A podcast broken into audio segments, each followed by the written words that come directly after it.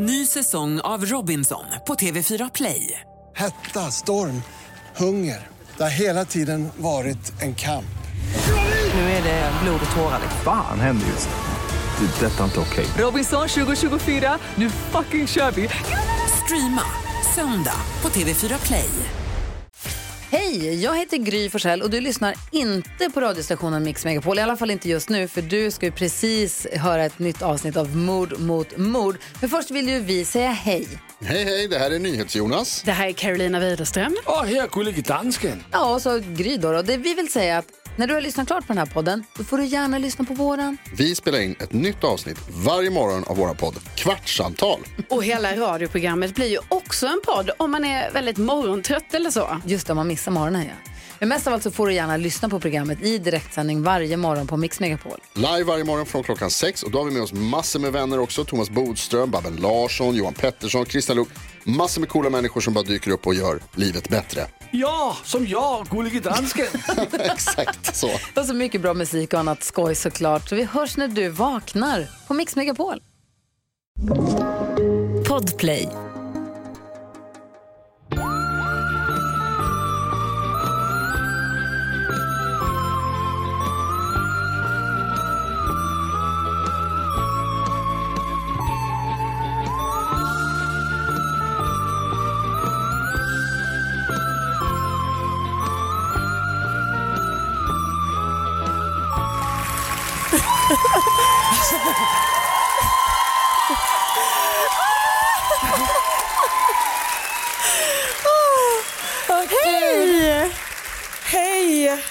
Välkomna hit! Gud vad många ni är! Och vad mycket ni låter. Jag blev så... Vi hörde er här inne och det var så himla det mysigt. Det kändes så tryggt Ja. att höra Ni lät så att ni lät glada. Ja.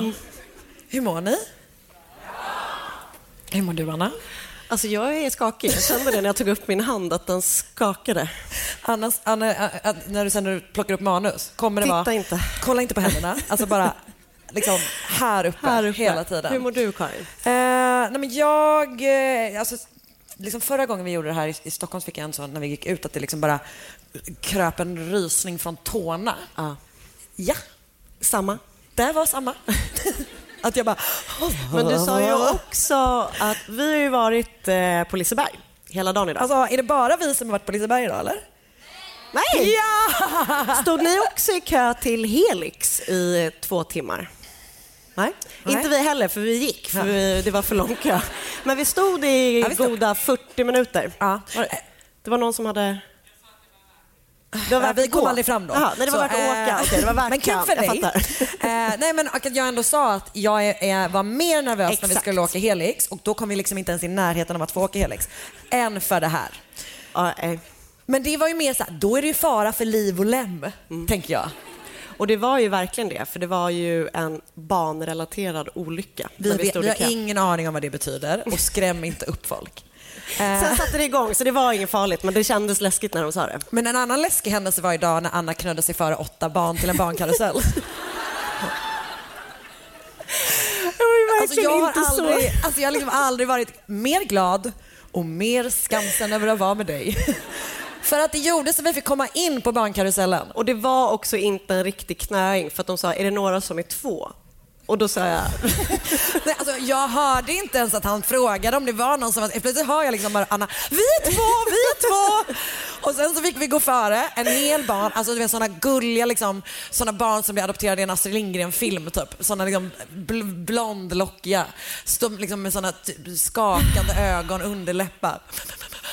Och sen så du blev är det så ju bra inte på att bättre. krydda en historia så den blir rolig. Men det, blev var ju inte så. bättre av att när vi kom fram så sa han, som hade hand om karusellen, han bara, är ni stolta nu när ni har knött er före barn?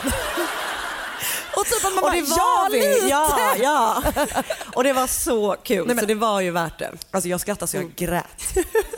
Äh, underbar dag på Liseberg och underbar kväll här på Lisebergs teater. Det känns så himla roligt att få vara här. Det här är, vi har ju aldrig haft så här många som har tittat på oss när vi har gjort Nej. det här. Eh, mitt älskade Göteborg.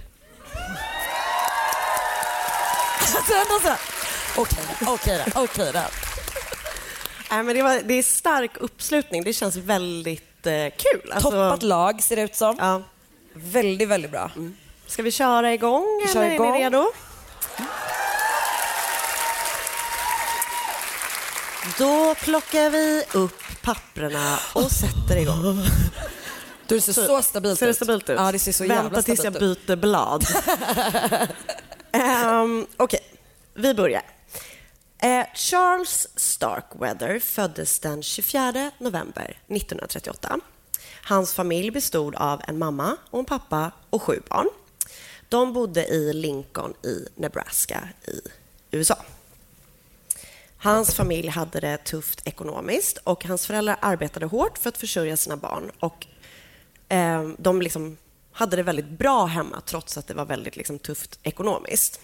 Hela familjen var omtyckta av grannarna och av samhället där de bodde. Och pappan Guy beskrevs som en handsome and talkative man. Och Helen beskrevs som snäll och stark och att det var hon som höll ihop familjen. mammor. mammor. Grattis på mors dag! Va? Det jobbar du in. Ja. Eh, Guy arbetade som snickare men hade svårt att få jobb eftersom han led av reumatism som främst satt i händerna. Så det var smärtsamt att jobba helt enkelt. Utöver att Helen då tog hand om hemmet så arbetade hon också som servitris för att hjälpa till med att dryga ut kassan när det behövdes. Charles då, som kommer väl vara huvudrollen i det här fallet, var nummer tre av sju i barnaskaran. Hela barnaskaran beskrevs som well-mannered kids. Och eh, trots att familjen då hade det väldigt tufft så verkar de ha haft en så här bra och fin uppväxt på hemmafronten. Det verkar ha varit en tight familj. Liksom. Men han hade det tufft i skolan, för han hade då eh, det man kallar för hjulbenhet. Ja. Eh, och han hade ett mindre talhinder, typ, typ att han stammade. Och eh, det här då var väldigt tacksamt för hans klasskamrater att, klasskamrater att ge sig på, helt enkelt. Han hade det tufft med liksom övriga skolämnen också. Han hade eh, svårt att hänga med och när han var 15 år så upptäckte de att han var otroligt närsynt. eh, så det hade väl antagligen med det att göra. När de var hos optikern så kunde han inte ens läsa den översta bokstaven som är ju typ så här stor. Så att det... Ja. Eh, så sen fick han då liksom tjocka glajjor helt enkelt. Ehm, ett ämne där han däremot inte hade svårt att hänga med i var på gympan, för han var stark och duktig på det mesta som de gjorde där. Lite som du. Tack. Ja. Eh, eh, vilket, det var inte bara ett skämt, för du var ju en slitvarg. Ja. Nio år gammal slitvarg i alla sporter jag någonsin har varit med i. Eh, och han, eftersom han då var så duktig och stark och hade den här typen av kroppskontroll så försvarade han sig ofta fysiskt när de hackade på honom. Eh, så han var då ofta i slagsmål och han fick senare ett rykte om att vara den elakaste och tuffaste ungen i Lincoln. Han slog tillbaka. Han slog tillbaka. En av hans bästa vänner, Bob von Busch, har beskrivit honom så här. He could be the kindest person you've ever seen. He'd do anything if he liked you. He was a hell of a lot of fun to be around. Everything was just one big joke to him. Lite störig. Alltså lite större. But he had this other side too. He could be mean as hell, cruel. If he saw some poor guy on the street who was bigger than he was, better looking than he was, or better dressed, he tried to take the poor bastard down to his size. Okej, så lite, han har lite, han har lite så delad personlighet kan man säga. Kan man han säga. är den bästa personen samt den värsta. Absolut. Ja, ja men toppen. Och mer och mer den värsta. Just det. Eh, han beundrade James Dean något otroligt efter att han då hade sett filmen Rebel without a cause och började försöka efterlikna honom i stilen och frisyren. Han hade rött hår men brukade liksom eh, färga det på något vis. Eh, sådär. Det är ju, han är ju inte den liksom, första och inte heller den sista killen som har fallit i James Dean-fällan. Eh, det krävs ju ofta att Have man är James Dean? Uh. eh, för att liksom vara James Dean. Eh, men kul att man Försöker. försöker. Mm. Eh, och med åren så började han då också få eh, liksom, en mer nihilistisk syn på världen och så småningom hoppade han av skolan. Det var inget för Charles och istället började han arbeta som tidningsbud. Något som han verkade sköta sådär för han var sjukt otrevlig mot alla han mötte på sin rond. Vilket, alltså rent spontant så hade det kunnat funka om man bara är en sån som du vet cyklar förbi. Slänger i ansiktet på någon. Aj. Ehm, Okej. År 1956, när han var 18 år gammal, så började Bob von Bush eh, dejta en tjej som hette Barbara. Barbara bodde med sin mamma Velda Bartlett, sin styvpappa pappa Marion Bartlett och sina två småsystrar Carol Ann eh, Fugate och Bet- Betty Jean Bartlett. Betty Jean var två år gammal och familjens ögonsten och Carol eh, och var då Barbara och Carols halvsyster. Och Carol var då 13 år. Då, när Barbara började dejta Bosch. Bob. Bob. Bosch. Eh, Okej, så en kväll skulle Bob och Barbara gå på bio. Så Bob bjöd med sin gode vän Charles och Barbara bjöd med sin lilla syster Carol. Och Carol var liksom inte den här typiska tjejen på 50-talet. Hon tyckte om att ha byxor och skjorta. Sjuka jävel. Mm. Och eh, hon var liksom kaxig, lite uppstudsig och inte så där snäll och skötsam som en tjej bör vara. Men Charles blev väldigt förtjust i den fem år yngre Carol som till en början då verkade ha ett ganska svalt intresse för Charles. För att efter de hade varit på den första dejten så dejtade hon någon annan kille och det tyckte Charles inte om. Så han då sökte upp den här killen och fick honom att förstå att han skulle hålla sig borta. Antagligen genom handgemäng. Efter det då så började han uppvakta Carol intensivt. Lagret med tidningar, där Charles då hämtade sina tidningar, låg nära hennes skola. Så han liksom dök upp där och ja, kuckelurade med henne, typ. Så de blev ihop och blev supertajta och hennes föräldrar är ju då inte nöjda med det här. För de tyckte ju redan från början att hon var kaxig och sådär. Och det blev inte bättre med Charles i hennes närhet. Jag vet inte vad Charles föräldrar tyckte om det här, men de var inte så nöjda med honom redan från början eftersom han då hoppade av skolan. Eh, Slog folk i ansiktet med tidningar varje dag. Exakt. Och sådär. Så de hade ju väldigt... tyckte han var ganska jobbig. Liksom.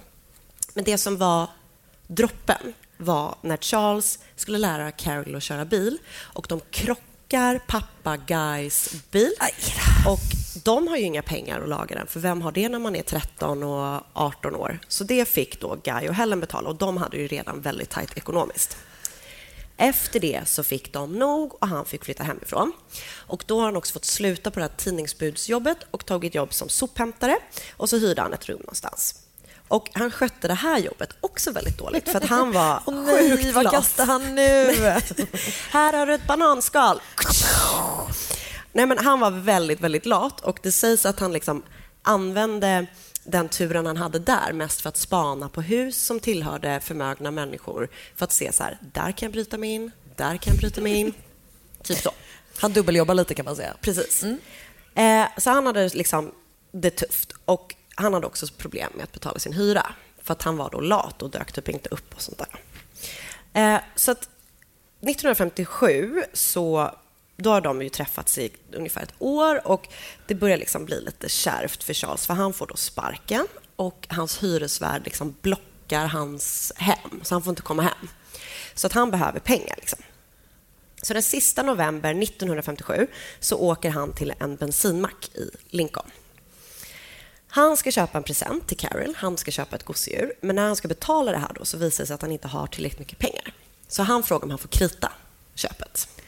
Vilket han då inte får. Robert Colvert som arbetar där säger att nej, så funkar det inte. Du får inte köpa det här gosedjuret. Hej då. Och han blir sjukt sur, Charles alltså. Så han eh, åker hem. Men följande natt så kommer han då tillbaka till macken. Han går in först en gång, köper ett paket cigg, går ut, går in igen, köper tuggummi, går ut. Sen så sen han gått ut då efter han har köpt tuggummit så sätter han på sig en keps och typ en så sjal över ansiktet. Det är som att han går ut, sätter på sig lösmustasch, går tillbaka, in igen. Hej. Completely different guy. Ja, men, och med sig så har han då en så kallad shotgun. kliver in, pekar vapnet mot Robert Colvert och beordrar honom att öppna kassaskåpet. Men han är helt ny på jobbet, så han får inte upp kassaskåpet. Så istället så ger han honom 100 dollar ur kassan, vilket är 1000 dollar idag ungefär. Och, men Charles nöjer sig inte där, utan han tvingar Robert att gå ut under pistolhot. De går till Roberts bil och så hoppar de in och så kör de en bit bort till ett ställe som är helt off och där får han då Robert att gå ut ur bilen och sen så skjuter han honom där i vägkanten. Så hemskt. Robert Colvert var 29 år gammal när han mördades och han hade då som sagt precis börjat jobba på bensinmacken och hemma hade han en tjej som väntade deras första barn. Efter att han har rånmördat Robert då, så åker han för att träffa Carol. Och han berättar vad han har gjort, men hon typ tror inte riktigt på honom. Och Efter det så börjar också deras relation liksom bli lite knackigare. För hennes familj tycker inte om honom och antingen så är det hennes mamma och hennes man eller så är det Carol själv som försöker göra slut med honom. Liksom, och säga att det här funkar inte längre. Men han liksom har bestämt sig att han vill leva sitt liv med henne. Men den andra måste vara med också. Det brukar ju vara så. Det är en förutsättning. Jag Det är vill ändå Ja. trycka på det. Helt rätt. Men i januari då, 1958 så började det liksom verkligen gå åt skogen. Och jag ska börja med att säga att eh, det går, vad som sen händer under de här dagarna, så där går historierna isär. Charles har en historia om vad som hände och Carol har en. Då. Men den 21 januari så åker Charles hem till Carols familjs hus. Eh, hennes mamma Velda, hennes man Marion och Carols lilla syster Betty Jean var hemma. Exakt vad som händer är inte helt säkert, men Charles mördar alla tre. Och efter att han har mördat dem så flyttar han ut deras kroppar eh, till ett, typ ett uthus på familjens gård och väntar på att Carol ska komma hem.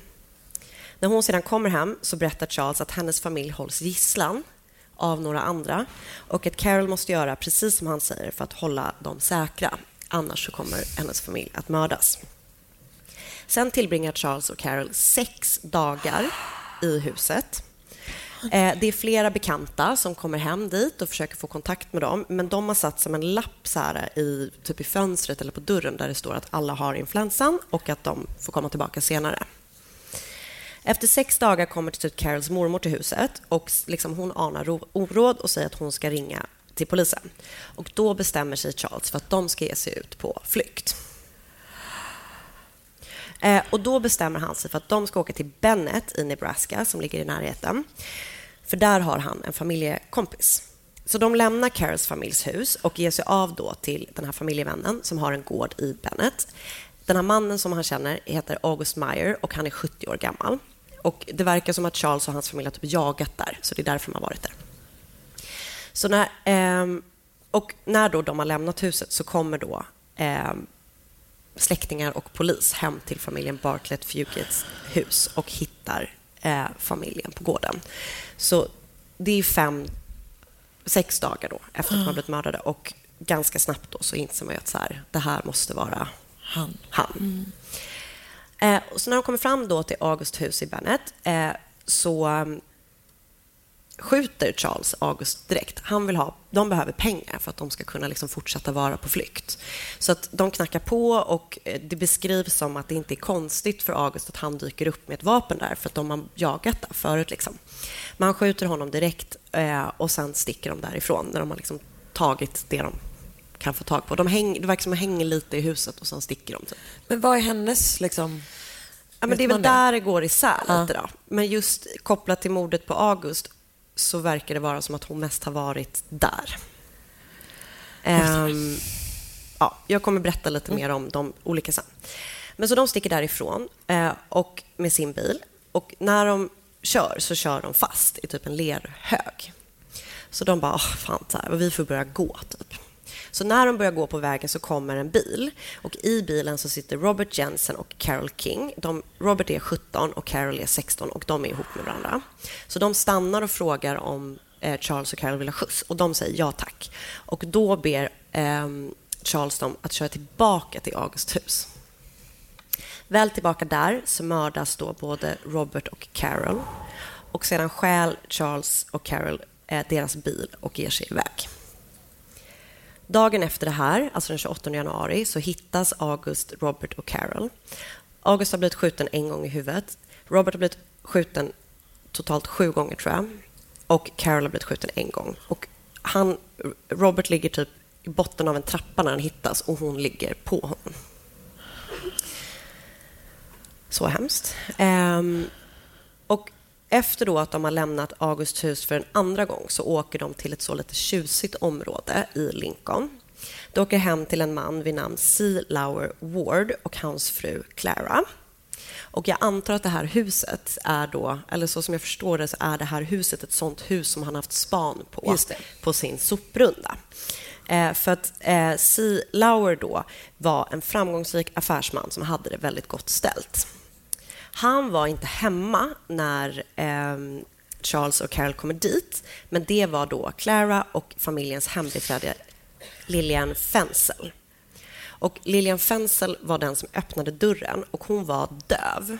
Så de lyckas typ kommunicera på något vis, som de så här skriver lappar, men de tar sig in i huset och sen håller de Clara och Lilian gisslan under den dagen i väntan på att Sea Lauer ska komma hem. Eh, någon gång under dagen så skjuter Charles familjens hund för att den skällde så mycket och han ville få tyst på den. Till slut mördades både Lilian och Clara med kniv. Och Lilian då, Fensel, var 51 år gammal när hon mördades eh, och Clara Ward var 46 år gammal. Men det här är så många offer. Alltså det är alldeles fruktansvärt många. Mm. Gud.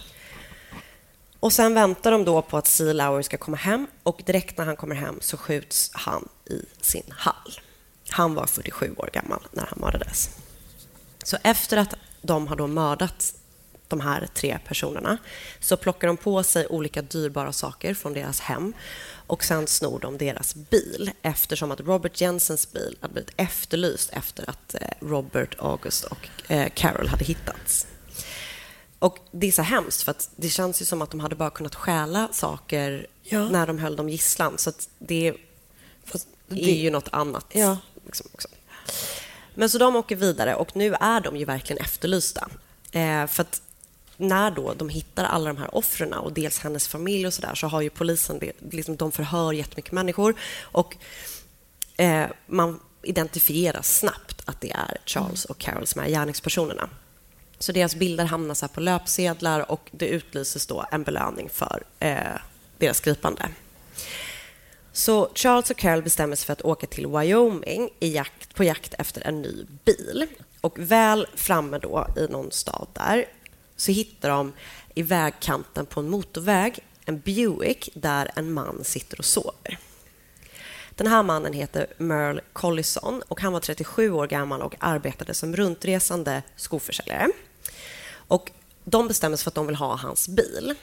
Så de typ antingen knackar på eller skjuter genom rutan så att han typ vaknar och är så här, "Åh", och säger bara "Men, eh, ta bilen liksom. Gör vad ni vill. Ja. Men Charles bestämmer sig ändå för att mörda Merle och skjuter honom sju gånger. Och Sen så lägger de in honom i bilen och så ska de åka iväg. Men när de ska åka iväg så får de inte igång bilen. För det verkar som att det är en, alltså, någon typ av handbroms som eh, Charles inte är van vid. Han verkar, han verkar ju inte vara jättebra på att köra bil med tanke på att han, eller han var ingen bra Nej. billärare i alla fall. Nej. Till henne. Och han körde ju fast i en lerhög. Det kan hända de bästa. Men, sant. ja.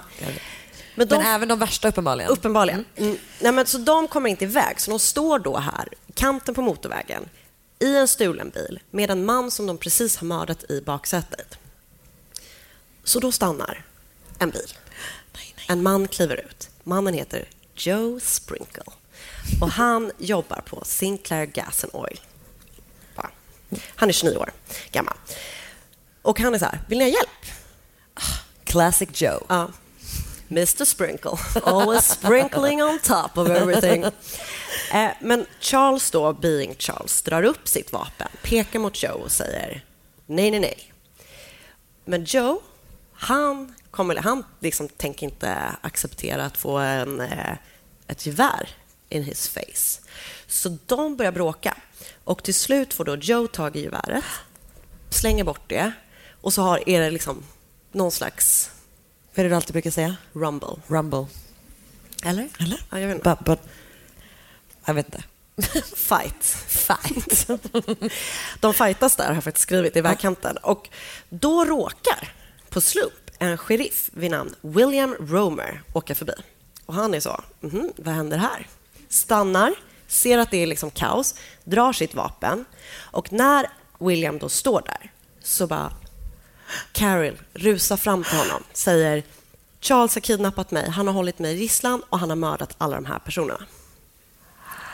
Men Charles tänker inte ge upp så lätt. Han hoppar in i bilen, som han då... Inte kan köra. Inte den, utan den här gamla bilen. Vad hände?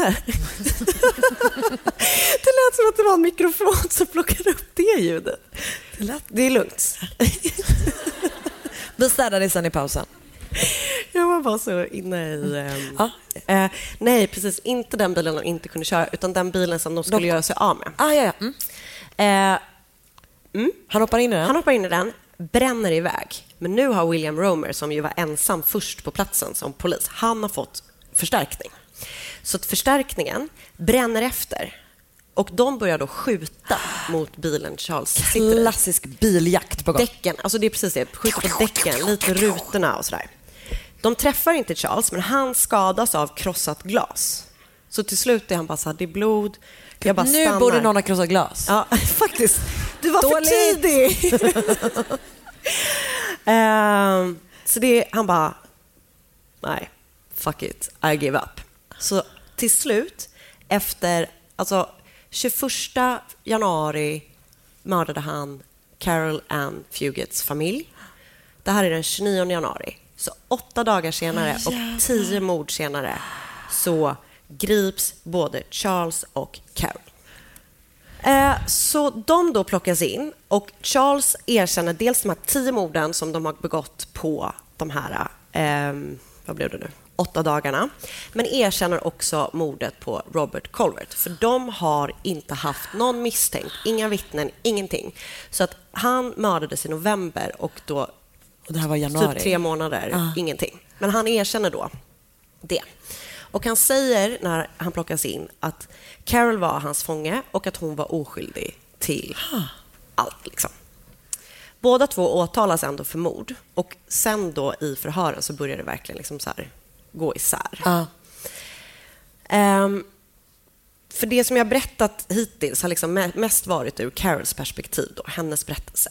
Hon hävdade då hela tiden att och hävdar än idag att hon är, var oskyldig och att hon hela tiden hon var offer, liksom. Under hot. Liksom, att det var därför hon bara hängde med. Charles då sa ju först att hon var oskyldig och liksom mer hans offer. Eh, ändrar sig sedan och säger att Carol absolut var mer delaktig i alla mord än vad hon framställdes som från början. Han säger till exempel att Carol var hemma när morden på hennes familj begicks. Han hävdar att hon hade en aktiv del i de morden.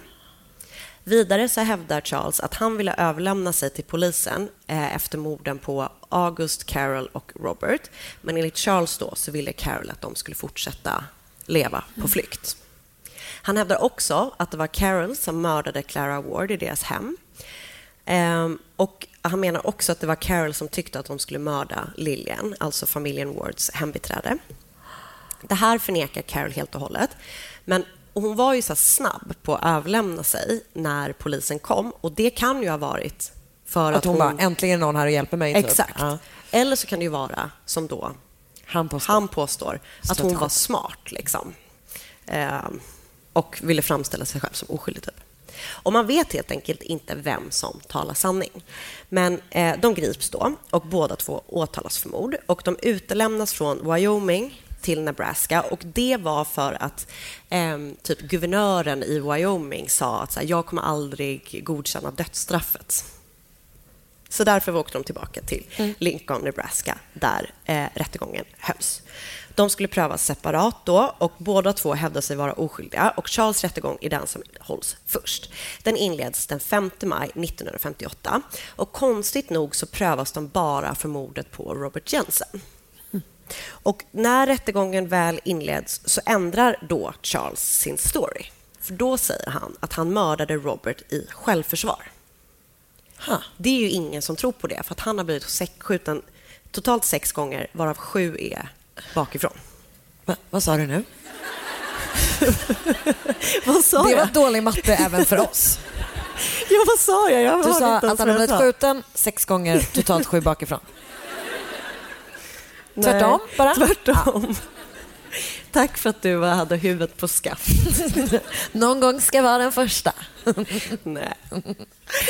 Eh, Okej, så var det. Ehm, precis, det håller inte. Av Det håller, den simpla anledningen. Ehm, hans försvarsadvokater föreslog att Charles skulle hävda sig otillräknelig, otillräknelig när morden begicks, men det ville han inte för att han ville då inte att folk skulle tro att han var stora såna här, Ja. galen.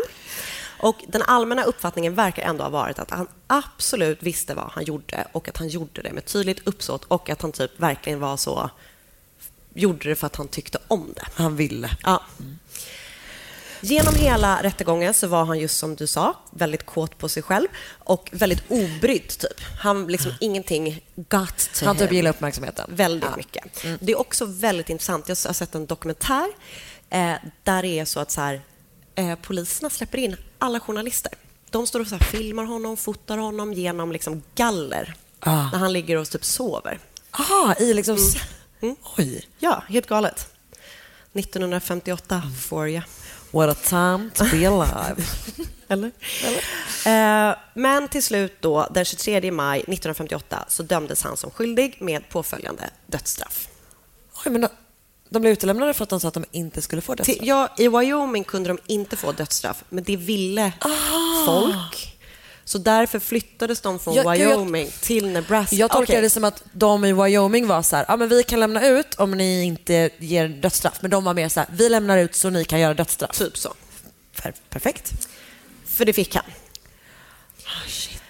I oktober senare samma år inleddes Car- Carols rättegång. Hon var då 14 år när morden begicks eh, och hennes försvar Gud, jag då... glömde att hon var så ung. Ja, nej. Så hon kan ju då inte få dödsstraff för att hon är omyndig. Men, och, och hennes försvar då säger ju liksom det som hon själv har sagt, att hon har gjort allting under hot. Eh, och försvaret tryckte då hela tiden mycket på hennes ringa ålder och kallade henne för en liten flicka genom hela rättegången. Eh, Charles vittnade i rättegången mot henne och berättade då liksom de här sakerna som jag sa innan. Eh, att, han, att hon då hade varit en sån drivande eh, kraft bakom det. så. Eh, men det verkar ändå inte som att det här att hon var en liten flicka och var ett offer gick hem, så att säga. För juryn satt i nio timmar och övervägde. Och till slut, då, när hennes dom kom, så dömdes hon som skyldig och fick då livstid i fängelse. Mm. Och hon är typ den yngsta, eller var då i alla fall, absolut det. Ehm, och de, det verkar inte som att de tror att hon har liksom mördat Robert, men att hon var så aiding and abetting, alltså att hon var så tydlig medhjälp typ, så att hon ändå döms som skyldig och får då livstid. Mm. Hon var väldigt ångerfull inne i fängelset och hon tog liksom verkligen, hon vet så här, det finns intervjuer med henne när hon är så så här, ja, ledsen och sådär. Så hon eh, fick förkortat straff och satt inne i 17 år. Ändå väldigt länge. Det finns en dokumentär med henne också som heter Growing Up in Prison. Hemskt. Eh, men den är gjord typ 1962, så den var Sisådär. sisådär, men den finns. Eh, och där finns det då intervjuer med henne och så. Eh, när hon kom ut så bytte hon namn, så gifte hon sig och bytte namn till Carol Ann Clare och fick tre barn. Hon utbildade sig till eh, sjuksköterska och efter att hon har kommit ut så har hon talat väldigt lite om morden. Hon har gjort några sån, det var något sånt lie detector program och hon har gjort några såna grejer. Och hon har sökt om resning flera gånger. Senast 2020 och då stöttades hon av flera släktingar till mordoffren. Men hon fick avslag på den resningen. Charles satt på death row i ett år innan han fick sin ah, nej, det kommer jag till. Eh, dom utdelad och han dog då den 25 juni 1959.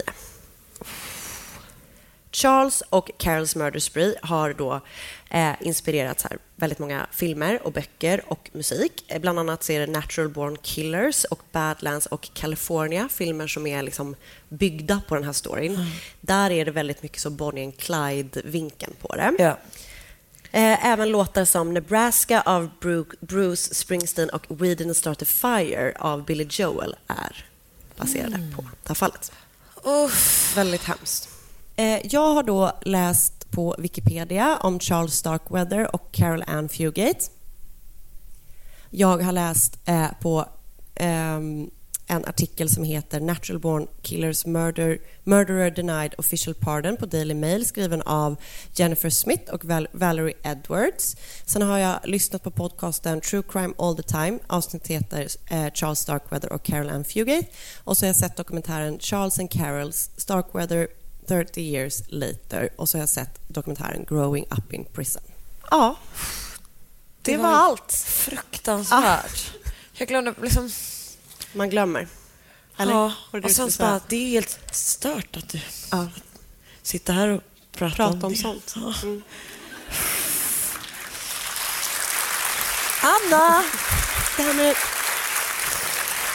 Ja, man blir, eh, man blir väldigt ledsen. Ja, fruktansvärt. Ehm, och... Eh, nej, det är så alltså, hemskt. Thank God for Joe Sprinkle. Joe Sprinkle. Eller? Some sprinkle on that sprinkle.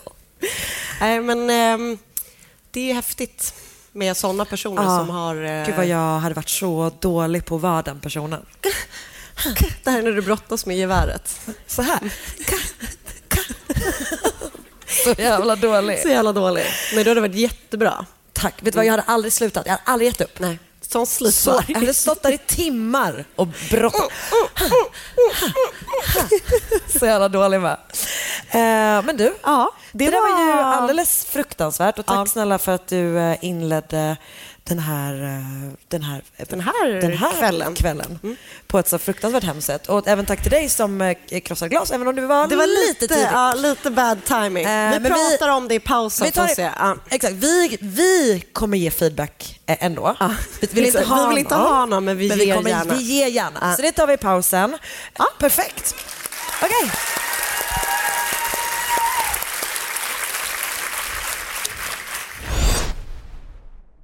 Música Ett poddtips från Podplay. I podden Något Kaiko garanterar östgötarna Brutti och jag, Davva, dig en stor dos skratt.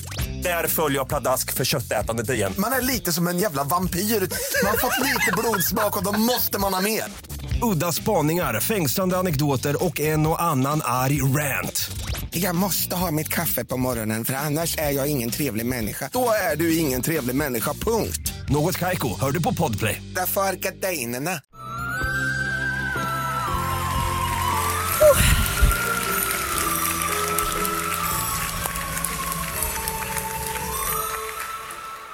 Hallå! Hade ni en bra paus? Ja. Hade ni, hade ni gå ut och har ni liksom Downa en snabb som Karin sa. Jag tror att det jag sa var, om, om jag hade varit dem så hade jag gått ut och downat en snabb. Ja. Mm. Ja. Eh, men eh, ni kanske typ var mer så att ni, var no, är det någon som varit ute och tagit lite luft? Har Någon som ni, tog ett åk någonstans? tog ni snabbt åk? Inte Helix, det är inte 20 minuter.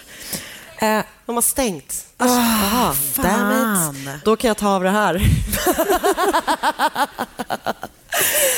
Men eh, alltså, när vi gick hit innan så såg vi ju, vilket typ Ja. var en av mina favoritsaker när jag var liten, alltså de här, ni vet de här, eh, det var inte min favoritsak, det var verkligen en lögn.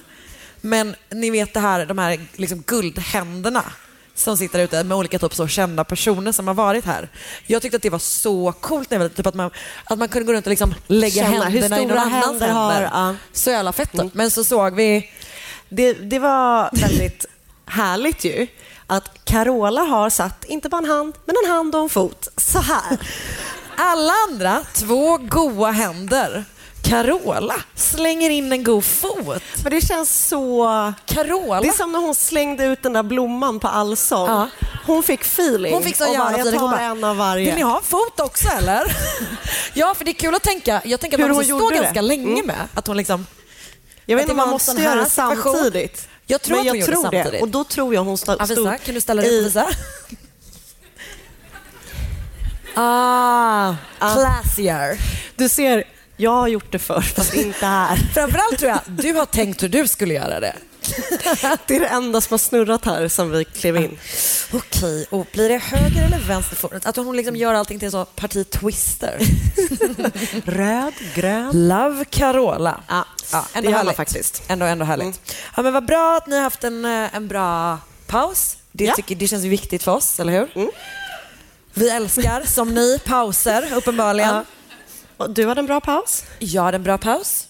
Och du hade en Vi bra hade paus. en bra paus tillsammans. Ja, det var väldigt, eh, väldigt bra. Eh, men jag tänker att... eh, Du är redo. Nu har vi pausat klart. Nu kör vi. Så nu kör jag. Ja, Nu jag är så redo. Ja, bra. Gud, härligt. Ni är redo? Du ger mig tecken. Ja, bra. Du ger mig tecken. Jag ger dig tecken. Jag kommer till och med... Du kommer veta. Mm. Eh, ja, för jag ska då... När vi gör de här liksom, livepoddarna så brukar vi ha ett liksom, lokalt fall. Och jag eh, har då eh, liksom, dragit den lotten. Och jag ska inte berätta om ett specifikt Göteborgsfall, utan jag ska berätta om en ovanligt intensiv dag i Göteborgs kriminalhistoria. Det är den 29 juli min och Sallys födelsedag.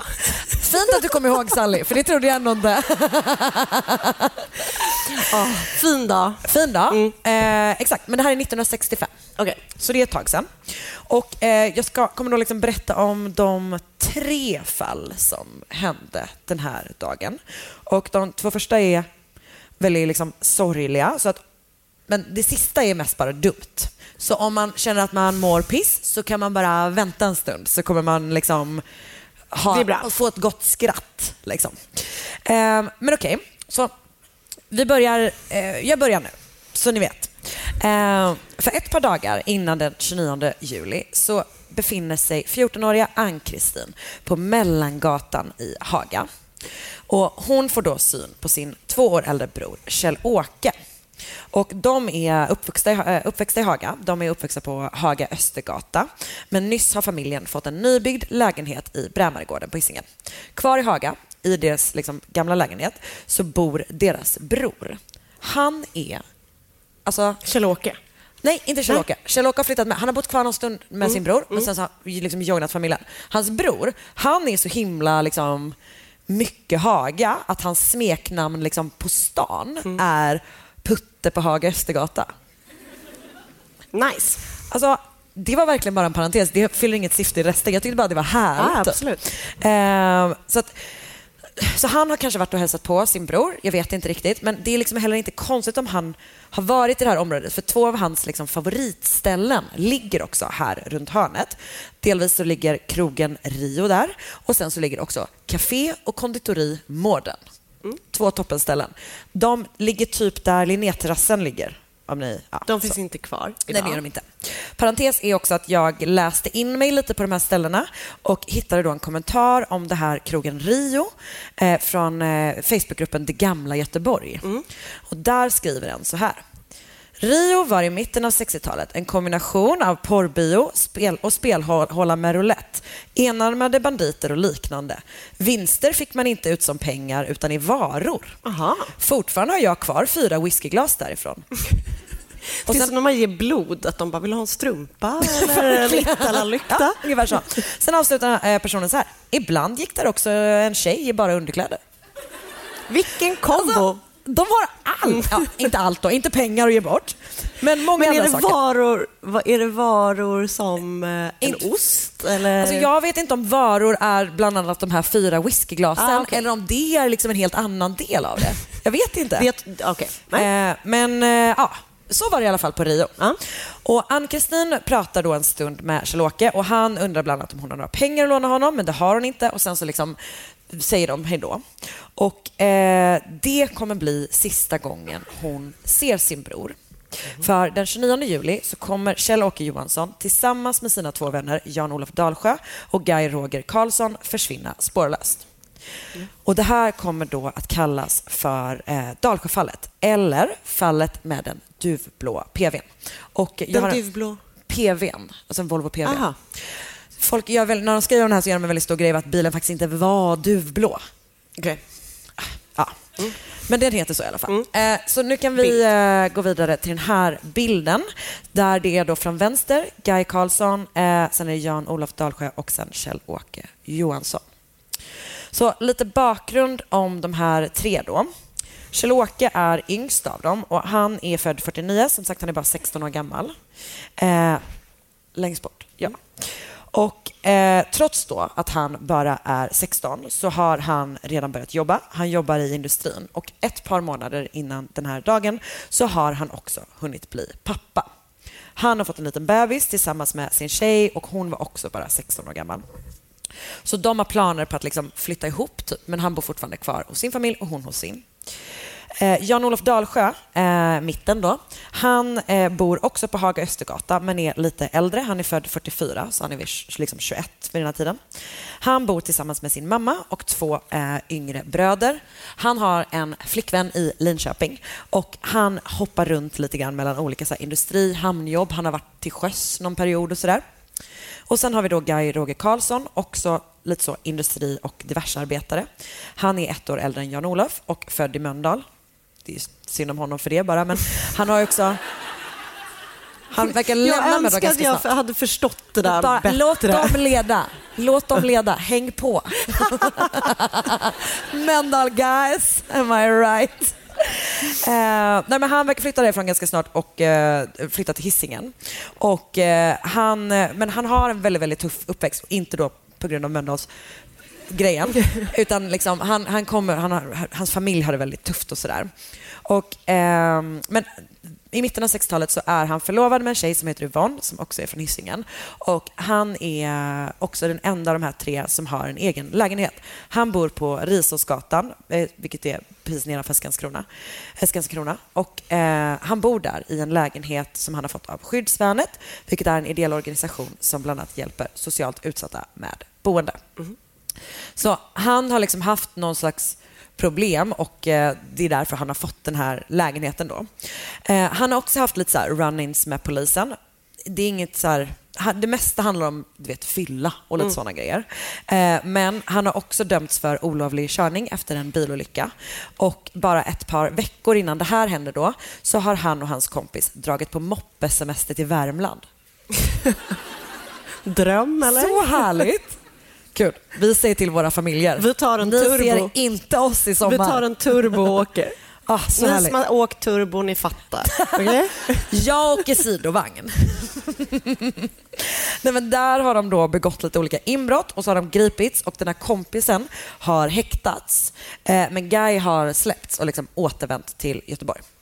Även de andra två har, eh, har liksom ett par prickar. Det är också ganska mycket typ att de har, alltså någon har gripits för fylleri på Järntorget. Och ska jag vara helt ärlig så borde jag också åkt dit. Am I right? Am I right? Så att de här tre, liksom så här, de, ja, de finns i polisens register, men de är, verk, de är inte tungt kriminella på något sätt. Liksom.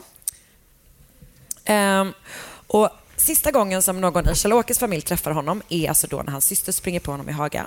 Sista familjemedlemmen som träffar Guy är hans syster Ramona och hon har varit på bio och promenerar hem i närheten av Vågmästarplatsen på Hisingen när någon tutar och en bil stannar. Och det är då eh, Guy och eventuellt också att Jan-Olof är med i bilen och de frågar om hon vill ha skjuts. Eh, men hon tycker typ att det är en fin kväll så hon vill gå hem. Liksom. Så de kör iväg därifrån och det är sista gången hon träffar sin bror. Då. Eh, Jan-Olofs mamma pratar med sin son hemma i Haga den 28 juli eller 29, lite sådär oklart. Eh, och han berättar då att han ska åka till Åsa, som ligger söder om Göteborg, eh, och campa med sina kompisar. Och det här att de ska campa är typ konstigt, för de är inga som campar. Liksom. Det är inte så här någonting de brukar göra. Typ. Eh, och att de också så ska åka ut och bada, men det är typ 13 grader och regn. Så det är liksom inte 29 toppen. juli. Ja, jag vet. Det var tydligen en fruktansvärd sommar. Eh, men, men så att eh, hon, tycker, hon reagerar på det. Men så här, Jan-Olof har köpt sin brorsas blå Volvo PV och även om ingen av dem har körkort så har vännerna under sommaren varit ute och åkt en hel del. Så det är väl liksom planen även den här gången. Den 29 juli så gör den här trion lite olika grejer. Guy går till Arbetsförmedlingen, Jan-Olof går till jobbet, Kjell-Åke skippar sitt pass, så att de är liksom skilda under dagen. Men eh, hur som helst så sammanstrålar trion på eftermiddagen. Det finns vittnen som ser dem på Café Mården. Ehm, men det är liksom lite oklart var de ses sista gången. Så antingen är det på Mården. Det är toppennamn på ett konditori. Det är ändå det. Konditori Mården. Vi Fan, let's bring it back. Ehm, så att det är antingen där eller så är det när de tillsammans åker från Risholmsgatan i Jan-Olofs bil. Det är vid tre-tiden på eftermiddagen och efter det så finns det alltså inte ett enda säkert spår efter varken de här tre eller bilen. Fortfarande inte. Liksom. Va? Och idag hade nog liksom två försvunna unga män och en försvunnen pojke eh, skapat liksom större uppmärksamhet än vad det gjorde vid den här tiden. Eh, det har väl delvis att göra med också att de är så här, tre arbetarkillar, typ.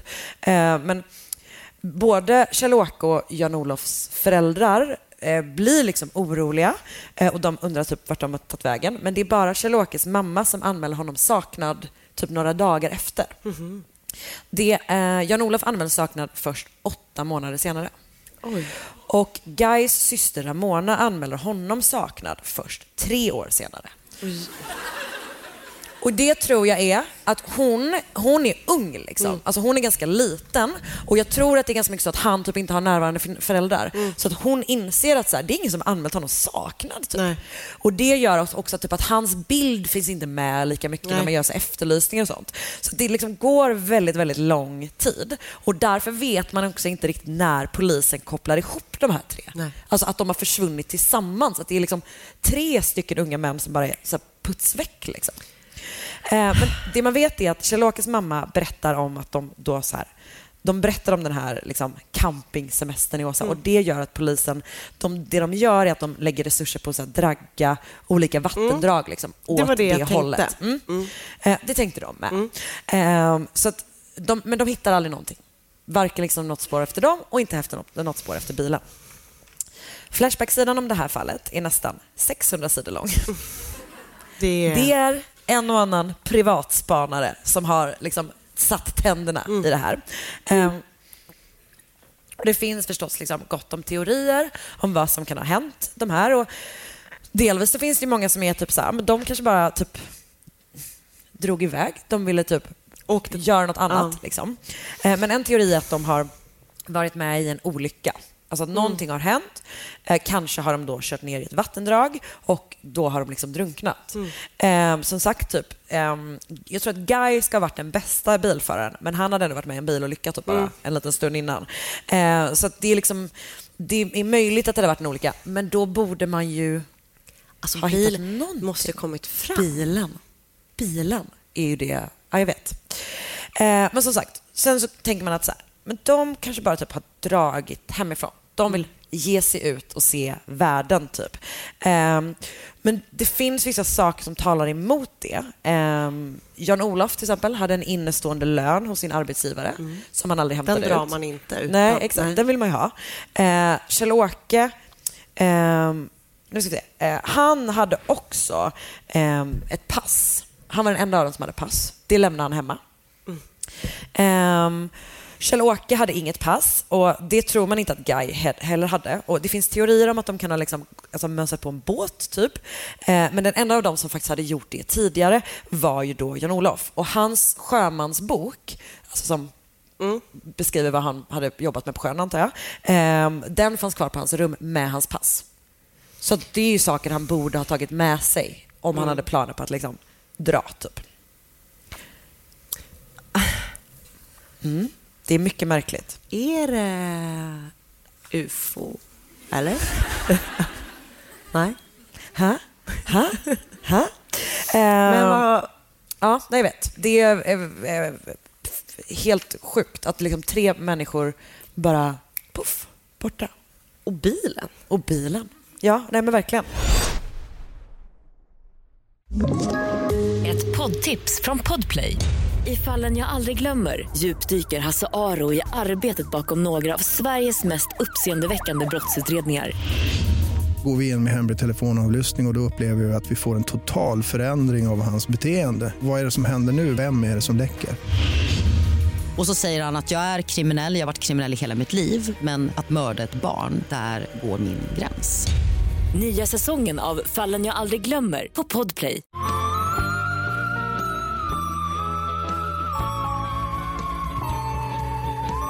Om det var så att de drömde om att lämna stan och ge sig ut på äventyr så var de inte de enda i Göteborg som gjorde det den här dagen. För ytterligare en ung kille försvinner från stan samma dag, den 29 juli 1965. Och Det har då spekulerats om att det skulle kunna hänga ihop med det här Dalsjöfallet. Eh, och det är den då 18-åriga Hybner Hymme Lundqvist. Jag har en bild på honom. Här har vi Hymme. Och han är, han är från Stockholm, Anna. Mm. Skönt. Your guy. Han är son till ett eh, konstnärspar, Evert och Ebba Lundqvist, som är liksom väldigt så framstående konstnärspar. Eh, de har två barn. De har tvillingsönerna Hymme och Manne och familjen bor på Drottningholm. Eh, så de har det gott ställt, tänker jag. Kan man tänka sig. Eh, Hymme har, han är liksom ganska så populär, han har mycket kompisar hemma i Stockholm men han har också en del psykiska problem och eh, har typ självmedicinerat med både liksom läkemedel och eh, alkohol. Så det har inte varit en särskilt lätt tid för honom eller för familjen. På somrarna är de i Skåne, närmare bestämt i... Vart är ni i Skåne? Kivik. Torekov. Där, nej, där precis. Ja. Nu känns det lite som att du hittade på. Nej, men eh, vi har haft landställe där. Ja, Där är han. Ja, jättemysigt. Vi sponsrar dem så, Visit Torekov. um, men så de har varit där även då den här sommaren 1965. Mm. Sen har Hymme bestämt sig för att avvika från familjen. Och Man tror att han lyfter upp till Göteborg. Och därifrån vill han åka till en, eh, vidare upp i Bohuslän till en konstskola som han, jag tror att han har gått där innan eller så har han kompisar där. Men han ska liksom ta sig vidare upp i Bohuslän. Och den 30 juli så får hans föräldrar ett vykort från honom poststämplat i Göteborg dagen innan där han skriver att allt är bra och att de inte ska oroa sig. Och sen dess har ingen hört eller sett någonting från honom. Men hur vet man att de försvann den 29 juli?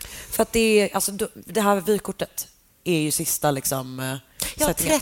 30. Så att det stämmer, det är poststämplat den 29 juli. 13 tänkte jag. Nej, jag är med. 30. Mm. Ehm, så att det här är ju helt eh, absurt. Att det liksom är Kan fyra ha varit unga med killar. i den duvblå PVn?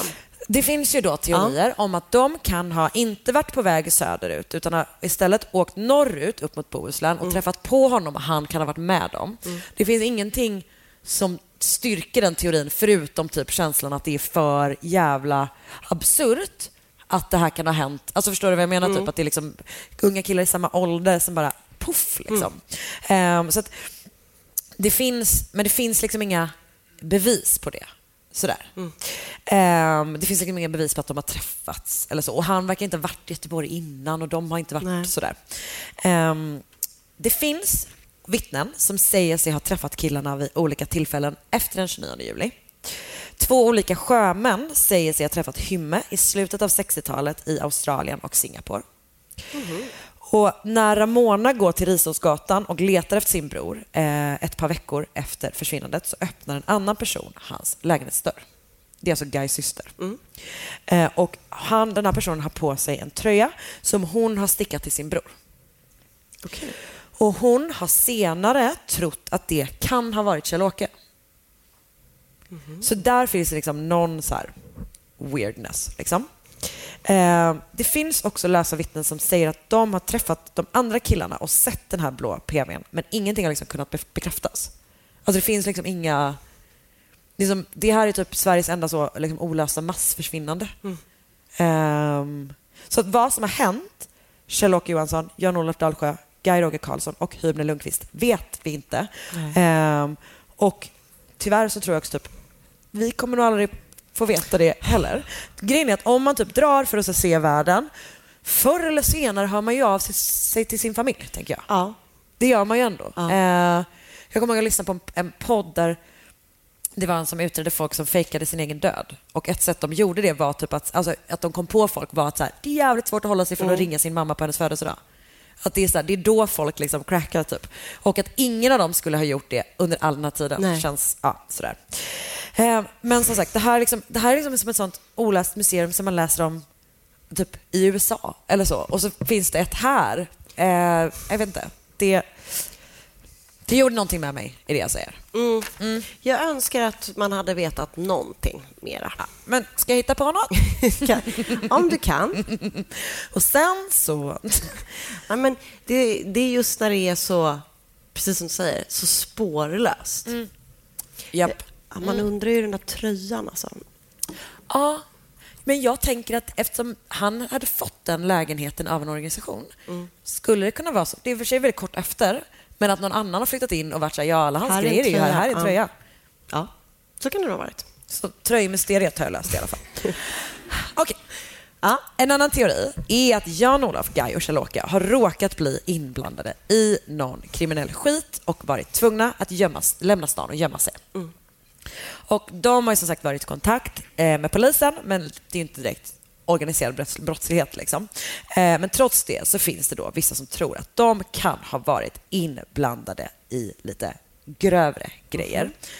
Jag tror att det, eller det tror folk för att det händer ett rån samma dag som de försvinner. Ja, det finns inga andra bevis som tyder på att de har varit inblandade i det. Jag, jag tror inte att de har varit det, vill jag säga.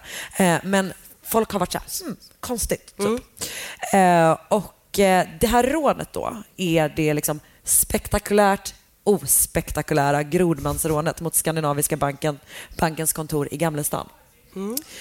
Och det är då det tredje fallet som sker den här dagen och även där det vi går in i nu istället.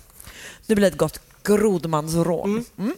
Så tidigt 1965 så träffas tre Göteborgsboende exilungrare i Spanien för att planera sin stora stöt. De åker till typ så Costa Brava och är så på konferens, rånkonferens. Det är där du hade varit med din väskrånarkonferens. Va? Här. För att, du kan ju inte hänga ut för alla att jag tänkte stjäla väskor på Liseberg. Ni vet när man lägger dem i, när man lämnar och sen åker man ett varv. Jag säger inte att jag ska, jag säger bara... Ja, du säger att du kan. Jag säger att det hade varit ett väldigt roligt liv som tjuv. Man får åka och stjäla väskor. Ja. ja. Och Crack åka till Costa Brava. Och sen med mina rånkompanjoner. Eh, ja, exakt, det känns som att man bara, ni hade kunnat åka till Trollhättan. Alltså, det hade gått bra, men de bara, det blir nog Costa Brava. Eh, de här är liksom inte namngivna i pressen, men vi kommer, eller jag, även ni nu, kommer att kalla dem för Erik, Peter och Daniel. Tre typiskt ungerska namn.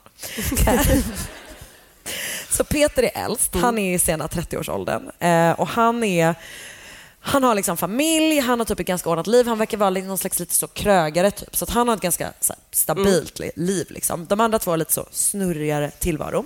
Daniel och Erik är båda två i mitten av 20-årsåldern. Daniel är amatörboxare och har pluggat på Sjöbefälsskolan precis som Peter. Så de har nog träffats där. Liksom. Det finns väldigt lite information om Erik. Eh, han har haft många olika identiteter. Det verkar som att han eh, är från Ungern men har tillhört typ en liten tysk minoritet men han är österrikisk medborgare. Alltså det är ett centraleuropeiskt virrvarr helt enkelt. Eh, vid den här tiden så kallar han sig för Walter Müller. Det heter han inte. Eh, Han är någon slags liksom ledare för den här ohederliga trion som då åker iväg till Spanien för att planera sin gemensamma stöt. Sen kommer de tillbaka till Sverige och här börjar de träna. För de har bestämt sig för att sin smarta rånplan ska innefatta en flykt under vatten. Yes. Japp. Peter har båtvana, han har också tillgång till båt, så han kommer vara den som kör. Och i juni så har de någon slags träningsläger vid Hovåsbadet. Och då är deras plan först att de ska ha den här bilen, eller båten, eller någon slags motorbåt. Så har de satt fast någon slags tuber under båten som är typ stora som en människa med handtag. Så man får Nej. kunna ligga så här. Och så ska båten Ja. liksom köra iväg. Det känns låter som så att det hade kul. kunnat vara typ en sån! James Bond-grej också. Eller typ bara- en ny, äh, Lisebergs nya attraktion. Whee! Eh, så det är deras plan först. Eh, det visar sig att det blir väldigt svårt att styra båten. Nästan omöjligt. De måste ge upp det. Det blir ingenting med det. Så nya planer presenteras och spikas och till slut den 29 juli är det då dags att sätta planerna i verket. Så eh, Guy, Charlotte och Jan-Olof ses sista gången vid 15-tiden den här dagen. Men drygt 45 minuter tidigare, eh, eller klockan 14.13 för att vara exakt, så går larmet på Skandinaviska bankens kontor i Gamlestan. Inne på banken befinner sig sju anställda och fem eller sex kunder. Oklart. En av kunderna heter Nils. Han är på banken för att lösa en check. En av banktjänstemännen är 23 år gamla Ralf Spets. Han jobbar på banken innan han börjar plugga på universitetet. Så han är liksom bara där och gör en liten bankrunda innan det är dags att gå in i akademiska världen. Ehm, så att de här och de andra personerna på den här banken ser plötsligt två personer rusa in på bankkontoret viftandes med pistoler. Ralf Spets, bless his heart, tror att det är ett Chalmers spex. Ah, jag orkar inte. är de i våtdräkter? Nej, nej, vi kommer till det här. Okej. Det, är liksom, det är för nära till uh, Chalmers spex på något sätt. Att något stört henne. Man bara, Chalmerister? Ja. Eh, nej, men anledningen då till att han tror det här är för att en av dem är utklädd. Och han kommer senare att säga eh, till GT. De var två personer. Den kraftiga av dem var utklädd till kvinna. Men det syntes tydligt att det var en man. Det såg anskrämligt ut alltså. Den andra var inte utklädd, vad jag uppfattade i alla fall. Så trött utklädnad att de bara... eh, Nej men och grejen är att det här är det som är så konstigt. Att jag vet inte, jag vill inte, jag vet inte vad som hände under liksom, kostym brainstorming session i Costa Brava. Men det som har hänt är då att Erik, han har liksom valt en helt vanlig rånarstil. Alltså han har typ täckt ansikte. Men Daniel har gått sin egna lilla väg. Det känns så tråkigt att bara köra rånarluva. Ja, han är då väldigt stor och lång. Han väger drygt 100 kilo och är liksom en stor Mm. man. Typ. Han har satt på sig en vit blus, en lång blond peruk. Han är jag. Han är du. Åh gud. Du är misstänkt. Tur att du inte levde än här för du har varit så misstänkt grodmansrånet. Chalett och även lösbröst. Men han har ingen maskering för ansiktet. Gud. Alltså, det känns verkligen som att han har varit så här, bara, och sen tänker jag att jag använder mina lösbröst och de andra bara, nej men nej, va? Vad sa du? Om man hade satt dem här, då hade det Och så en varit något. riktigt konstig liksom, skalbagge typ. Ah, nej, men så det Ja, okej. är hans stil. Det var det liksom. han gick med. Vad hade han ner till? Vet inte. Åh Inget. nej. ja, det tog idétorka Ja, just neråt. det. Oh, he froze. Men de har på sig grodmansdräkter. Så att, men jag tror att han har andra kläder på sig ovanpå också. Okej. Mm. Och eh, Erik har typ så här, en kostym. Han har vanliga kläder. Ehm, mm. Daniel, eh, iförd lösbröst i ansiktet. Eh, det är så jag ser honom nu för alltid. Eh, hoppar över disken och börjar rafsa åt sig sedlar. Samtidigt som han gör det så ser, är det så, är liksom en av de som jobbar i kassan liksom snabb och trycker på Ja. larmet. Samtidigt håller då Erik övriga på banken som gisslan. Trots att han då är ledaren och lite så hjärnan så verkar han inte göra ett toppenjobb. För när Nils, om du minns han som är där för att lösa en check, försöker ta sig ut från bankkontoret så inser han snart att han liksom är bakom Erik. Alltså att han, har bara, han vill bara ut, men att han bara har typ krupit förbi honom och är så här, fan jag kanske borde göra någonting åt det här. Han är våran sprinkle. Ja. Mm.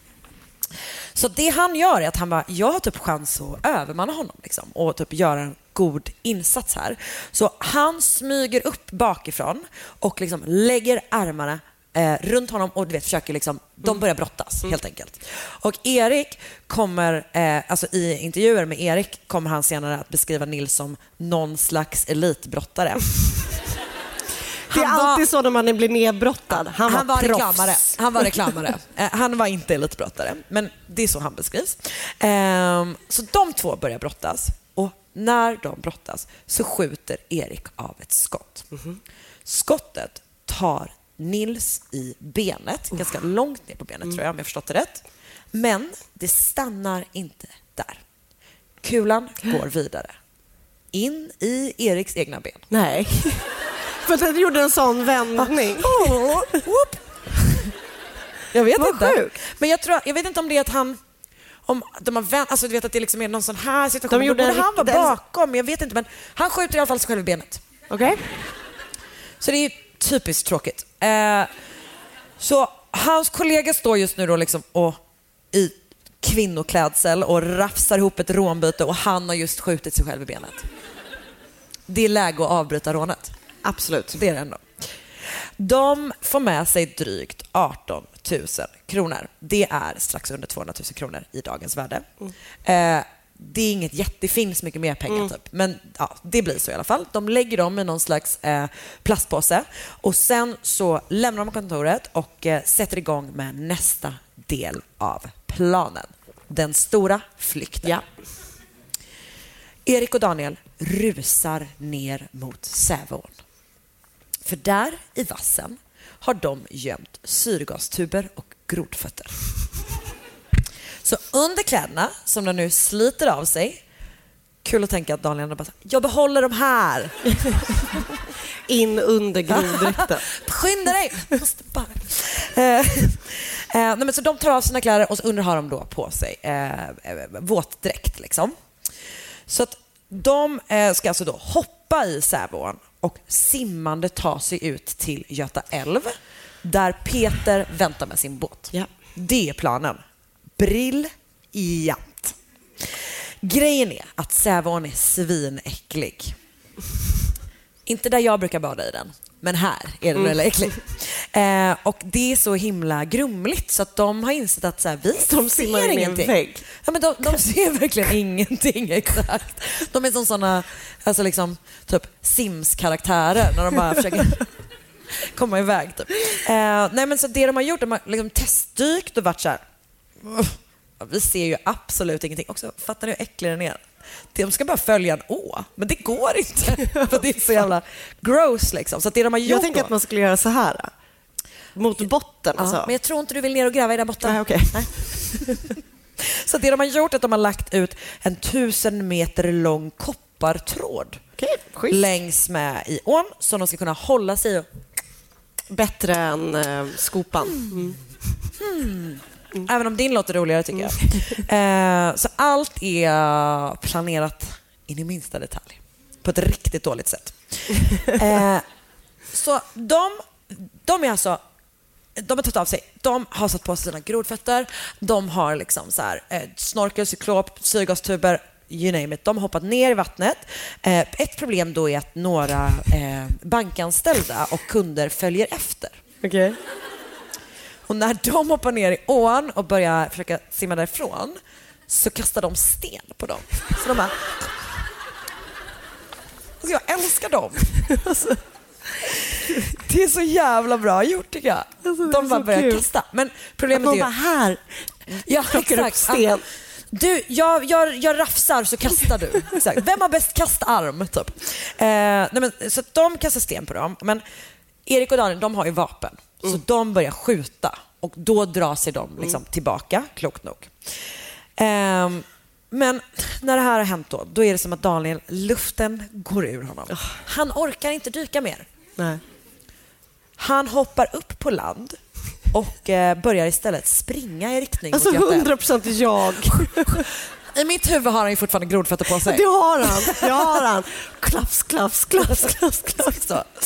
så han börjar springa i riktning mot Göta älv. Men för Erik då, han har ju inte det här alternativet för han har ju skjutit sig själv i benet. Just det. Så han kan ju inte gå. Så det är tråkigt. Så han kan heller inte riktigt simma. Nej. Så det han kan göra är att ligga där. Eh, och det gör han väldigt, det gör han på ett utmärkt sätt. Så han liksom sjunker ner typ i det här äckliga, äckliga vattnet. Han typ lägger lite löv runt sin snorkel så här. Så han ska kunna ligga kvar där. Och sen så ligger han där. Han kommer ingenstans. Allt han kan göra är att ligga där. Han beskriver det själv som att han ser liksom så sopor, kondomer, bara virvla förbi typ. Annan gammal skit, typ, för han bara är där med sin skottskadade Åh. ben. Och sen, vet du vad jag kan tänka? Alltså när, för uppenbarligen så har de ju tyckt att de varit smarta. De bara, men du är så smart. Det tycker de är ju alltid. typ. Ja, men när han ligger här, då går det upp för honom. Han bara, okej det här var ju inte så smart, eller det har inte blivit så bra kan man säga. Och typ, vad pinsamt. Alltså jag hade nog mest skämts att jag hade varit så här. När man till slut måste gå upp. Ja, man måste gå upp. Så jävla pinsamt, eller? Att man har gjort ett så dåligt rån, typ. De ska dra sig ut med den till Göta älv för att de inte ser någonting. Som ett rep. Nej, men det får du ta upp med Erik. Han har en kula i benet, jag tror att det, den sitter fast, jag tror att det bidrar. Liksom. Eh, Så att samtidigt då som han ligger där, alltså det går en timme. Han har jätteont, han börjar få frossa typ, han mår riktigt Och så dåligt. tänker man all den här skiten in i hans sår. Ja, det kan man verkligen tänka på. Han försöker binda en sån använd kondom runt benet för att stoppa blodflödet. Eller peta in i hålet. Äckligt. Alltså det påminner mig om när jag badade i en fontän. ja men du vet. Badade i en fontän? Vi, nej, men, är det studenttiden? Studenttider. Så alla är glada. Jag med. Tills det guppade förbi en använd tampong. Han hade varit glad för det, den har varit så bra att stoppa Plonka in. Ah, Okej. Nej, Jag tänker på all, ehm, all blodförgiftning han kommer få. Ja, ja, det, det, har du. Jag vet inte om det är det han tänker på, men han, ligger- han hinner ha ju gott tid om tänker. Ja. Liksom. Så att samtidigt då som han ligger där och försöker gömma sig under den här lövhögen på det här kondomvattnet så har polisen kommit till platsen och de misstänker då mycket väl att rånarna kan ligga någonstans i vassen och liksom dra, om man säger.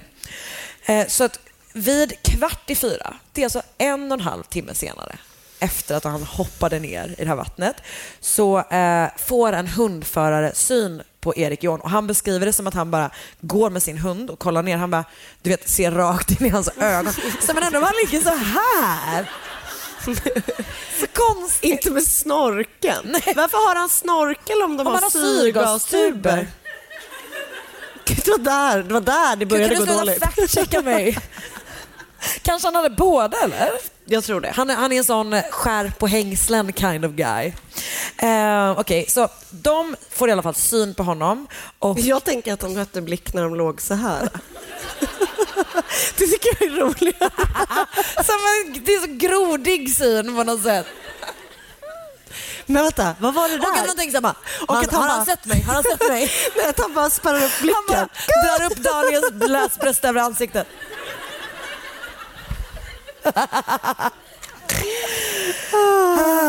Okej, de möter blickarna.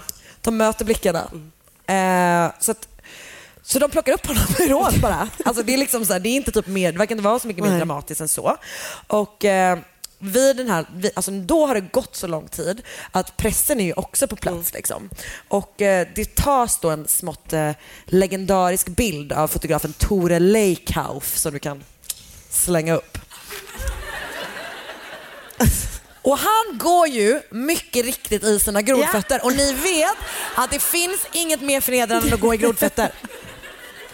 Att man, är, man försöker liksom Alltså, cool about it, men det går inte. Världens största steg. Så här har de. Alltså det är en toppenbild. Jag är så Det är förtjust. kul att han har liksom en galonuniform. Men du kommer ihåg att det var så jävla dåligt väder? Ja. Du minns det, det var därför de inte Men skulle jag åka visste och bada. inte att de hade det. Jag tycker den är snygg, eller? Jag kan tänka mig att ha en sån. Idag är det mer funktionsmaterial. Ah, okay. Fair enough. Skulle jag tro. Eh, ja, men så, eh, de har honom helt enkelt. Ehm, men samtidigt då har Daniel... Och att han har en hatt på sig. Var han? Eller vem? Vem är det du menar har en hatt? Polisen? Eller det är hans hår. Kul. Roast? Jag tänkte att det var en sån Emil Lönneberga-hatt utan, utan skärm. Klassisk hatt. Nej, men vad Emil, men är så här, inte ska väl jag ha skärm? Det är för kids. Verkligen. Eh, Men samtidigt då som det här händer har Daniel, vet inte om han har då grodfötter på sig, men han har i alla fall lyckats springa till flyktbåten. Och han är nog ganska nöjd med det beslutet. Delvis för att han slipper simma med kondomer, men också för att han tydligen är rädd för att dyka. Var med i ett annat 100% ja. rån! Gå med i vilket annat rån som helst. Eller säg stopp, jag vet doar där. Vad sa du? Att det är stopp? Jag lägger ett veto. Ah, ja, ja, ja, ja, ah, ja, ja, ja, verkligen. Nej, men han har liksom bara hängt med typ och sen kommit på att fuck, jag är skiträdd för det här. Jag vill ju bara vara hemma och klä ut mig. Eh, men han eh, plockas då upp av Peter och så kör de över till Hisingssidan. Där hoppar Daniel av och sen fortsätter och, han, och gömmer typ pengarna förstår jag, som jag förstått det. Och sen eh, så fortsätter Peter med båten upp till Kungälv och där ställer han den hos sin svåger och sen så får han skjutsa någon in till stan typ. Eh, så de har då sjukt nog kommit undan med den här fruktansvärda planen. Och det är ju också Daniel som har pengarna typ. Så att, så. Men det finns ju ett problem och det är ju att jättemånga har sett dem under tiden. Alltså så många har sett allting. Typ.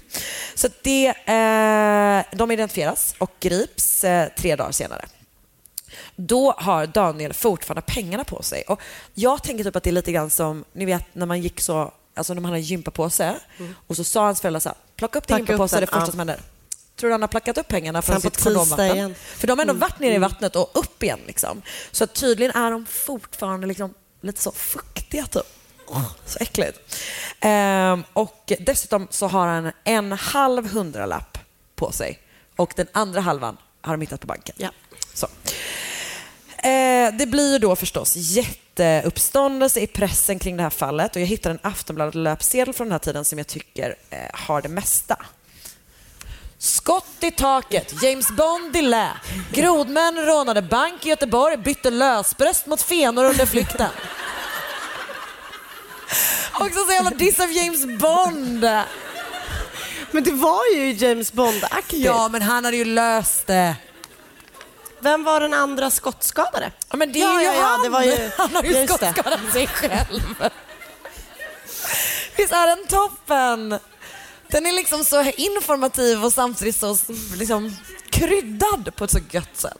Han var utmattad när han fördes i land. Man bara, ja, det kan man ju förstå. Det var en ganska händelserik eftermiddag. Ja. Den är toppen. Ehm, så, efter det här rånet så vårdas Erik på sjukhus för sin skottskada. Eh, och han ligger då en våning under Nils som är den som han sköt i benet. Men Nils är tydligen tillbaka på jobbet bara en vecka efter skottskadan. Cool. Själv hade man ju mjölkat det mer. Men de var hårda reklamare på den tiden. Och han blir då, han blir väldigt så hjältförklarad såklart eftersom han typ har avbrutit det här rånet. Och han får 2000 kronor i tack från banken och en plakett från polisen. Mycket bra. Så alla rånarna är då häktade och under tiden så kommer det fram uppgifter i media som visserligen ifrågasatt senare men som är så toppen att jag tänker upprepa den här eventuella lögnen.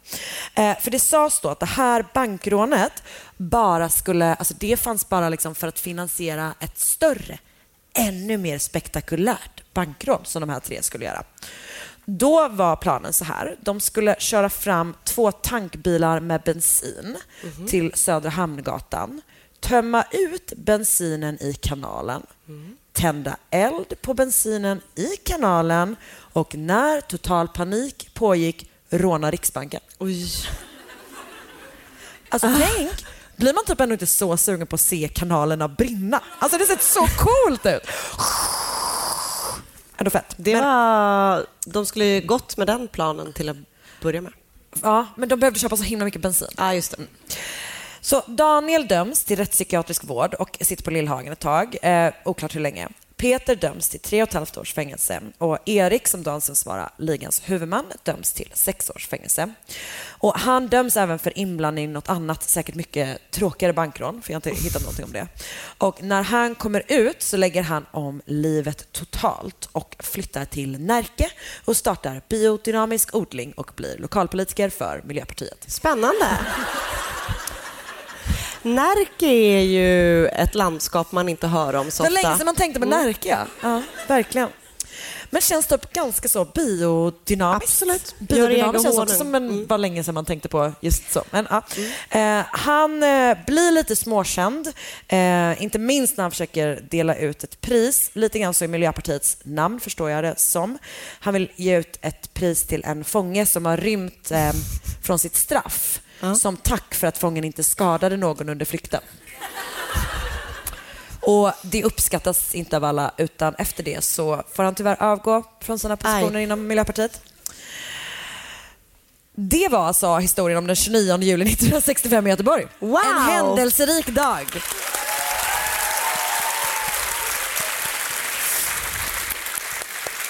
Det måste man verkligen säga var en otroligt händelserik dag. Jag, jag har glömt skriva upp det men vad det verkar som att det blev för den här Ralf Spets det som han fick då, för att han liksom också hade varit med om det här, var att han fick eh, eh, middag på eh, Park Avenue här uppe. Väldigt fin från banken tydligen. Så han Nice. verkar ganska nöjd Ja. han med. Eh, så att det känns så här, det kändes liksom härligt att typ avsluta på den här, för även om det är ju jättetraumatiskt förstås att vara med om ett bankrån så känns det verkligen som att de här Nils och typ Ralf och sådana, de, de är verkligen såhär, "Åh, topp, det var en tokig grej som hände typ. Han hade ingen utklädnad vad jag kunde se. Det är sån diss av en persons stil. Kan ha varit en utklädnad, kan ha varit hans Ja. face. Nej, nej, men det var väldigt eh, kul tycker jag. Eller Ja. kul, intressant. Ja, eller hur? Ja. Jag har lyssnat på P4-dokumentären Dalsjöfallet eller Den försvunna kvartetten. Läst på gamlagöteborg.se en GT-artikel av Jonathan Berntsson som heter eh, “Pojkarna har varit försvunna i 50 år”. En artikel i tidningen Land av Torbjörn Österholm. Och så har jag läst på Metapedia där privatspanarna sammanställt massor med information av Dalsjöfallet. Dessutom har jag läst en Allers-artikel av eh, Henrik Högström som heter “Fyra försvunna män och ett märkligt bankrån hänger händelserna ihop” i versaler. Eh, jag har också läst GT-artikeln “Han bryter tystnaden om rånet” efter 50 år av Björn Lindsten på Platsens historia om rånet. Två olika GP-artiklar av Rolf Nyman kontra Peter Lindqvist och så har jag också förstås läst på Wikipedia. Ehm, Ja, det var ju allt för oss eh, idag. Ja, eh, och tack så jättemycket för att ni ville komma. Kul!